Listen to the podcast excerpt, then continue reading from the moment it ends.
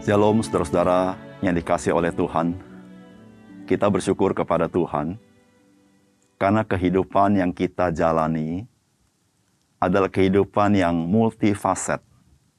Artinya, kehidupan yang penuh aneka warna, penuh aneka aspek dalam hidup kita. Sehingga kehidupan kita menjadi kehidupan yang tidak membosankan, tapi kehidupan yang penuh makna di dalam Tuhan. Salam jumpa dalam program Tuhan adalah Gembalaku. Saudara tidak dapat dipungkiri bahwa sering kali kehidupan kita berjalan tidak sebagaimana semestinya.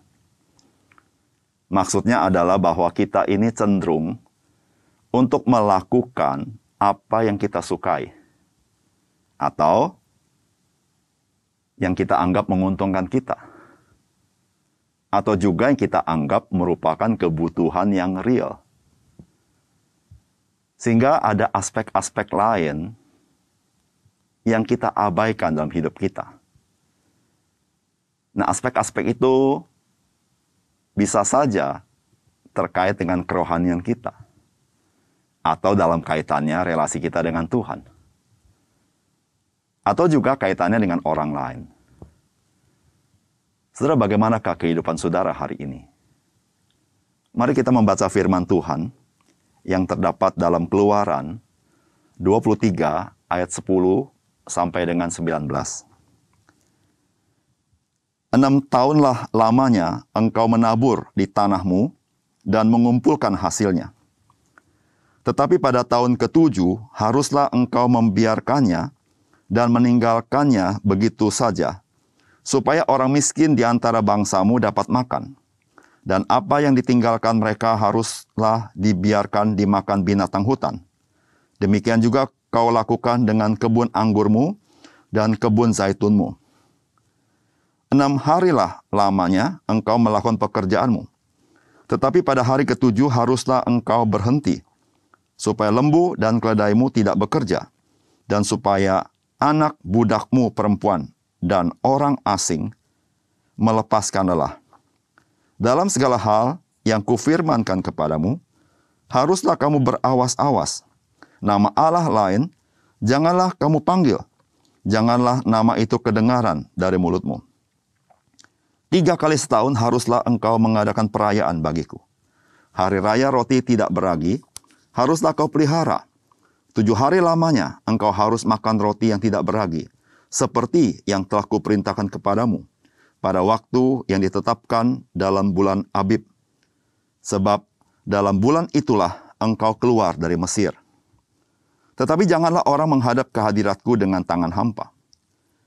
Kau peliharalah juga hari raya menuai, yakni menuai buah bungaran dari hasil usahamu menabur di ladang Demikian juga hari raya pengumpulan hasil pada akhir tahun, apabila engkau mengumpulkan hasil usahamu dari ladang. Tiga kali setahun semua orangmu yang laki-laki harus menghadap kehadirat Tuhanmu, Tuhan. Janganlah kau persembahkan darah korban sembelihan yang kepadaku beserta sesuatu yang beragi, dan janganlah lemak korban hari rayaku bermalam sampai pagi. Yang terbaik dari buah bungaran, hasil tanahmu, haruslah kau bawa ke dalam rumah Tuhan Allahmu. Janganlah kau masak anak kambing dalam susu induknya. Shalom saudara-saudara yang dikasih oleh Tuhan.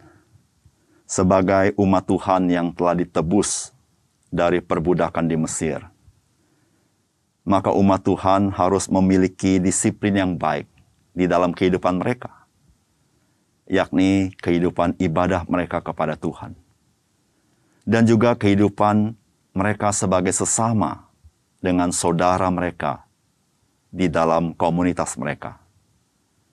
Saudara, inilah yang Tuhan ajarkan di dalam bagian firman Tuhan yang kita baca. Apakah pesan firman Tuhan bagi kita hari ini? Yang pertama, firman Tuhan mengajar kepada kita bahwa mengasihi Tuhan berjalan bersamaan dengan mengasihi sesama. Mengingat Tuhan, berjalan bersamaan dengan mengingat sesama. Itulah yang dikatakan oleh firman Tuhan di dalam ayat 10 sampai 12. Enam tahunlah lamanya engkau menabur di tanahmu dan mengumpulkan hasilnya. Tetapi pada tahun ketujuh haruslah engkau membiarkannya dan meninggalkannya begitu saja supaya orang miskin di antara bangsamu dapat makan. Dan apa yang ditinggalkan mereka haruslah dibiarkan dimakan binatang hutan. Demikian juga kau lakukan dengan kebun anggurmu dan kebun zaitunmu. Enam harilah lamanya engkau melakukan pekerjaanmu. Tetapi pada hari ketujuh haruslah engkau berhenti supaya lembu dan keledaimu tidak bekerja, dan supaya anak budakmu perempuan dan anak dan orang asing melepaskan lelah. Saudara bagian firman Tuhan ini berbicara tentang tahun ketujuh. Di mana sebagai umat umat Tuhan orang Israel harus membiarkan ladangnya, kebunnya supaya bisa digunakan oleh orang-orang miskin dan membiarkan anak lembunya keledainya tidak bekerja, termasuk budak-budaknya. Artinya umat Tuhan harus memikirkan orang lain. Memikirkan kebutuhan mereka, kebutuhan sesamanya. Tetapi kita harus ingat juga bahwa tahun ketujuh itu adalah sabat bagi Tuhan. Itu yang dikatakan di dalam kitab Imamat pasal 25 ayat yang keempat. Tetapi pada tahun yang ketujuh haruslah ada bagi tanah itu suatu sabat, masa perhentian penuh, suatu sabat bagi Tuhan. Setelah tahun ketujuh, umat Tuhan mengingat Tuhan, mengingat anugerahnya, dan berhenti dari pekerjaannya untuk fokus kepada Tuhan. Namun pada saat yang sama, mereka juga harus memperhatikan sesama manusia dan memperhatikan juga ternak dan bumi di mana mereka bercocok tanam. Saudara di sini mengajar kepada kita bahwa mengasihi Tuhan dan mengasihi sesama adalah dua hal yang harus berjalan bersama-sama. Sebagai orang percaya, kita tidak boleh hanya semata-mata mengasihi Tuhan, lalu melupakan sesama kita dengan alasan kita melayani Tuhan. Atau sebaliknya, kita lebih cenderung mengingat sesama kita dan kita mengabaikan ibadah kita. Kita mengabaikan Tuhan, mengabaikan firman-Nya.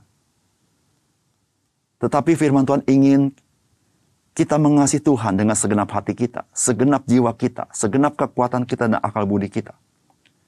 Namun kita juga mengasihi sesama kita seperti diri kita sendiri.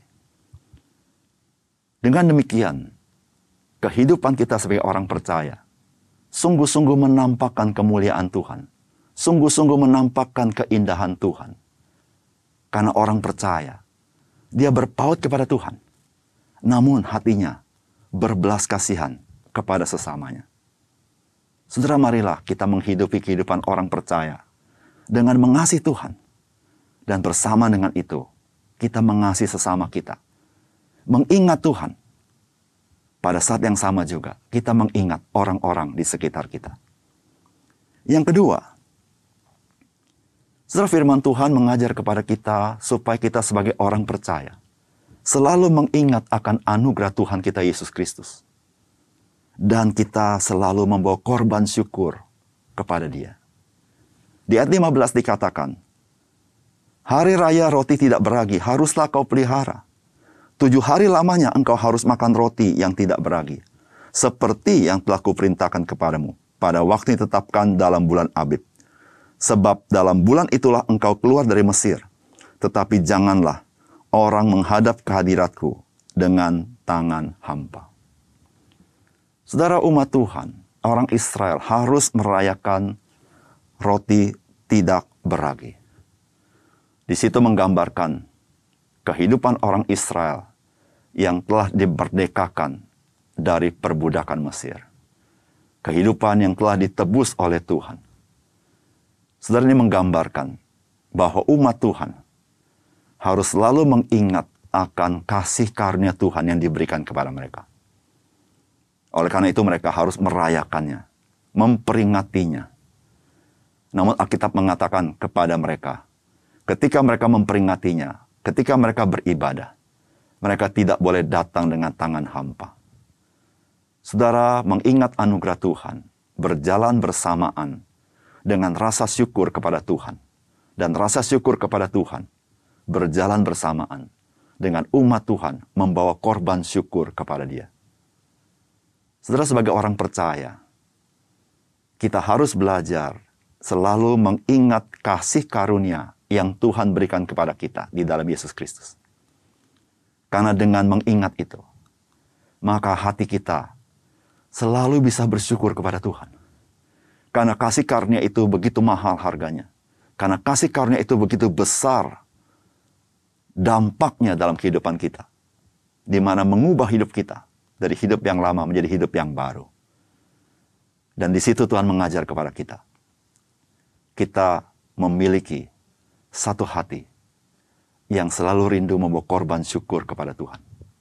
Ketika kita beribadah, kita datang dengan tidak tangan hampa.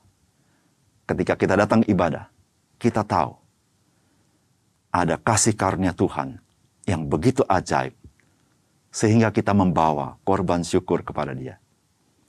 Saudara, jadilah orang percaya yang selalu mengingat anugerah Tuhan. Di situlah kita menjadi orang percaya yang tahu bersyukur kepada Tuhan. Yang ketiga, saudara firman Tuhan mengajar kepada kita. Mari memberikan yang terbaik kepada Tuhan. Karena itulah ekspresi kita di dalam mengasihi Tuhan. Di ayat 16 dikatakan demikian. Kau peliharalah juga hari raya menuai, yakni menuai buah bungaran dari hasil usahamu menabur di ladang. Demikian juga hari raya pengumpulan hasil pada akhir tahun, apabila engkau mengumpulkan hasil usahamu dari ladang. Ayat 19. Yang terbaik dari buah bungaran hasil tanahmu, haruslah kau bawa ke dalam rumah Tuhan Allahmu. Janganlah kau masak anak kambing dalam susu induknya. Saudara Tuhan mengajarkan bagaimana sikap orang-orang Israel, umat Tuhan, ketika mereka menuai dari kebunnya. Menuai adalah satu waktu yang penuh dengan sukacita. Tetapi firman Tuhan mengajarkan, waktu engkau menuai, itu adalah waktumu untuk mengingat Tuhan. Karena apa yang kau tuai itu adalah pemberian Tuhan. Tuhanlah yang memberkati sehingga engkau bisa menghasilkan dan engkau bisa menuai. Dan ketika engkau mengingat Tuhan, maka firman Tuhan mengajar, engkau harus memberikan yang terbaik kepada Tuhan. Saudara memberikan yang terbaik kepada Tuhan merupakan ekspresi bahwa Tuhan dia adalah yang terutama dalam hidup kita. Dia yang terbaik dalam hidup kita. Memberi yang terbaik merupakan ekspresi bahwa Tuhanlah yang kita kasihi dalam hidup kita.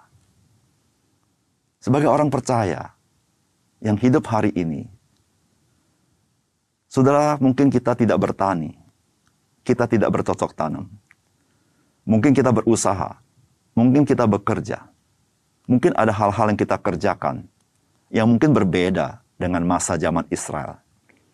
Tetapi satu prinsip yang sama, hasil yang kita terima merupakan sukacita dalam hidup kita. Dari hasil apa yang kita kerjakan. Tetapi jangan lupa, hasil yang kita terima adalah pemberian Tuhan. Atas berkat yang Tuhan berikan kepada kita. Sehingga Tuhan mengingatkan kita. Kita harus mengingat Tuhan ketika kita menerima berkat yang melimpah seperti itu. Dan Tuhan memerintahkan kita sebagai orang percaya mari kita memberi yang terbaik dari hasil yang kita terima kepada Tuhan.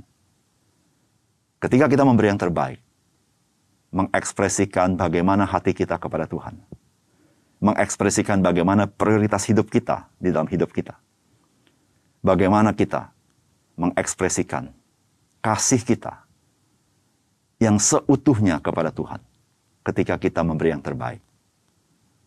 Mari saudara, pikirkanlah apa yang terbaik yang kita bisa berikan kepada Tuhan.